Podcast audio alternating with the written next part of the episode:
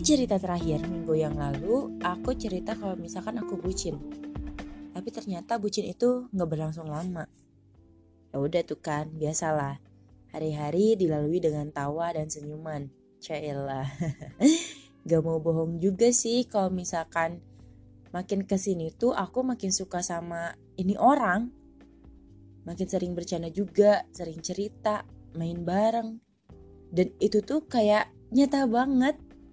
Dan yang aku bilang di episode kemarin, gara-gara terlalu berharap, aku jadi malah sakit hati. Itu kan yang salah. Satu hari temenku yang cewek, uh, doinya dia, cerita. Dia tuh kelihatan kayak happy banget ketika ceritain first date mereka gitu. Wah, gak bisa. Kayak mereka diem-dieman. Anjir maksudnya aku gak mau denger semua itu. Tapi gak bisa.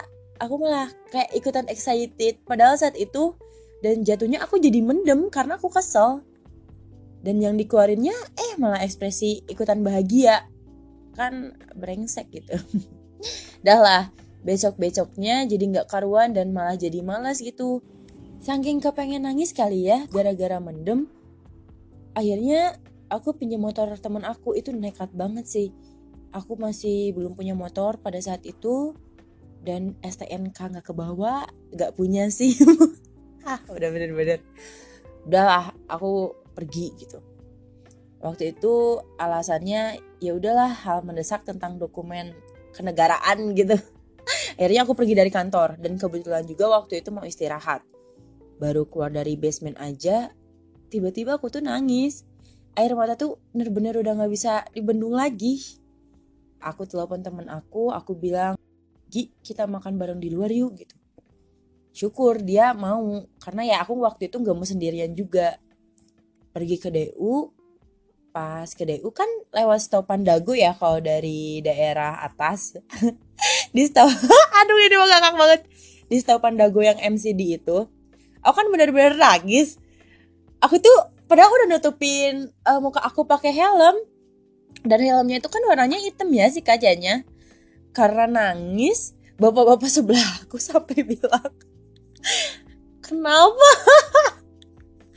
Anjir malu sih sebenarnya. Oh ya tadinya Bang Hayati nangis akhirnya ketawa dan alhamdulillahnya April bersahabat ya. Lampu merah berubah jadi hijau. Pergi kencang aku langsung ngegas. Dah, ketemulah sama temen aku. Biasa, kita ketawa-ketawa. Dan kayaknya dia temen yang pertama kali aku ceritain tentang uh, si cowok ini. Pesan makan, duduk anjir tau gak sih? Gak mood banget tuh aku makan. Tertumben sekali kan ya seorang Diana gak mood makan gitu. Pas nunggu makan aku mulai tuh cerita ke si Igi. Agak gengsi juga sih karena aku nggak pernah nunjukin aku sebutin itu. Kalau sama teman-teman aku pas di sekolah dan mereka ya banyaknya nggak tahu tentang hmm, hubungan percintaan itulah ya udah. Aku seketika nangis juga tuh pas udah ketemu sama Igi. Dia bilang itu mami Mana udah beneran suka sama dia. Si Igi juga kaget ngelihat aku sebutin itu kalau sama orang gitu. Ya begitulah kalau dipikirin sekarang kayak suka mikir kayak ngapain sih aing teh gitu? Kayak gitu nggak jelas banget. Tapi kalau dirasain dulu ya sesakit itu guys. Eh jangan dibandingin lah pokoknya. Makin hari makin hari aku lihat progres dari hubungan dia kan dan temanku itu. Eh malah makin deket Terus aku ngerasa nggak mungkin dong ketika hubungan mereka sudah berjalan jauh seperti ini, terus aku masih sering cerita ke dia. Aku nggak mau temanku mikir aneh-aneh meskipun emang aku tuh ya suka sama dia gitu. Bangsat emang. ya udah, aku di situ mutusin buat ngejauh. Gak tahu sih doi nge atau enggak, tapi aku tuh bener-bener ngejauh. Ngejauhnya tuh signifikan lah. Kayak lebih jadi banyak diam kalau ada dia ya gak terlalu banyak ngomong, ngejauh sebisa mungkin, gak ketemu dan ngobrol. Aku menghindari itu semua. Tapi semua itu menyiksa, menyiksa sekali guys kalau kalian tahu. Gak bisa si anak ekstrovert ini kalau gak menyapa orang, apalagi udah pernah deket, ngerasa berdosa aja jatuhnya. Padahal mah kan ya it's okay juga, gak salah, itu hak-haknya aku kan. Tapi aku merasanya seperti itu dan mungkin dia ngerasa aneh juga kali ya yang biasanya aku gimana-gimana ke dia eh ini enggak. Tapi dia bilang gini sih waktu itu aku ingat. Kayak gini nih. Din kenapa sih buat batu wae ke aku? Ya kalau bahasa Indonesia mah kamu tuh kenapa jutek terus kayak diem-dieman ke aku? Ih geli kalau di bahasa Indonesiain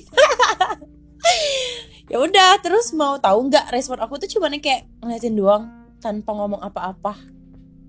Sebenarnya ini cerita cuma gambaran besarnya aja biar ada yang kegeeran. Apa sih Diana wallahi dah lah.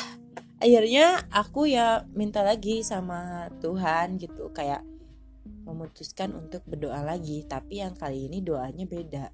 Kayak gini nih waktu itu aku berdoa.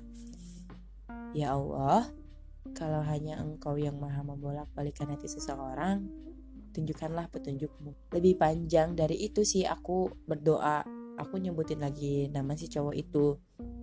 Dan apa ya, aku ngerasanya doa aku terkabul aja. Tapi ketika aku minta hatinya dia untuk dibulak-balikan, tapi Tuhan tuh malah ngejawabnya lain. Malah hati aku yang tiba-tiba berubah haluan. Rasa suka itu masih ada, tapi nggak menggebu-gebu seperti dulu. Aku bisa mengontrol itu semua kayak kalau di kantor. Jadi biasa, nggak secuek dulu, nyapa lagi. Ya kayak biasa aja, cuma bedanya emang kayak ada pembatas aja di antara kita gitu. Eh, ternyata bucin sendirian itu enak tau. Karena, eh aku ngerasanya kayak gitu ya. Ya meskipun ada banyak gak enaknya sih lebih banyak gak enaknya tapi kalau kalian ambil sisi positifnya dari bucin sendirian tuh enak enak banget tau. Itu yang aku rasain sih. Ya dan mungkin bisa bebas dari perasaan itu juga. Aku udah mulai kayak sering cerita atau nanya-nanya tuh sama adalah atasan aku di kantor. Dia orang yang pertama kali buka mindset aku dan dia dengan menceritakan pengalamannya itu buat aku apa ya kayak amazing aja gitu ya dia adalah Mas Ripat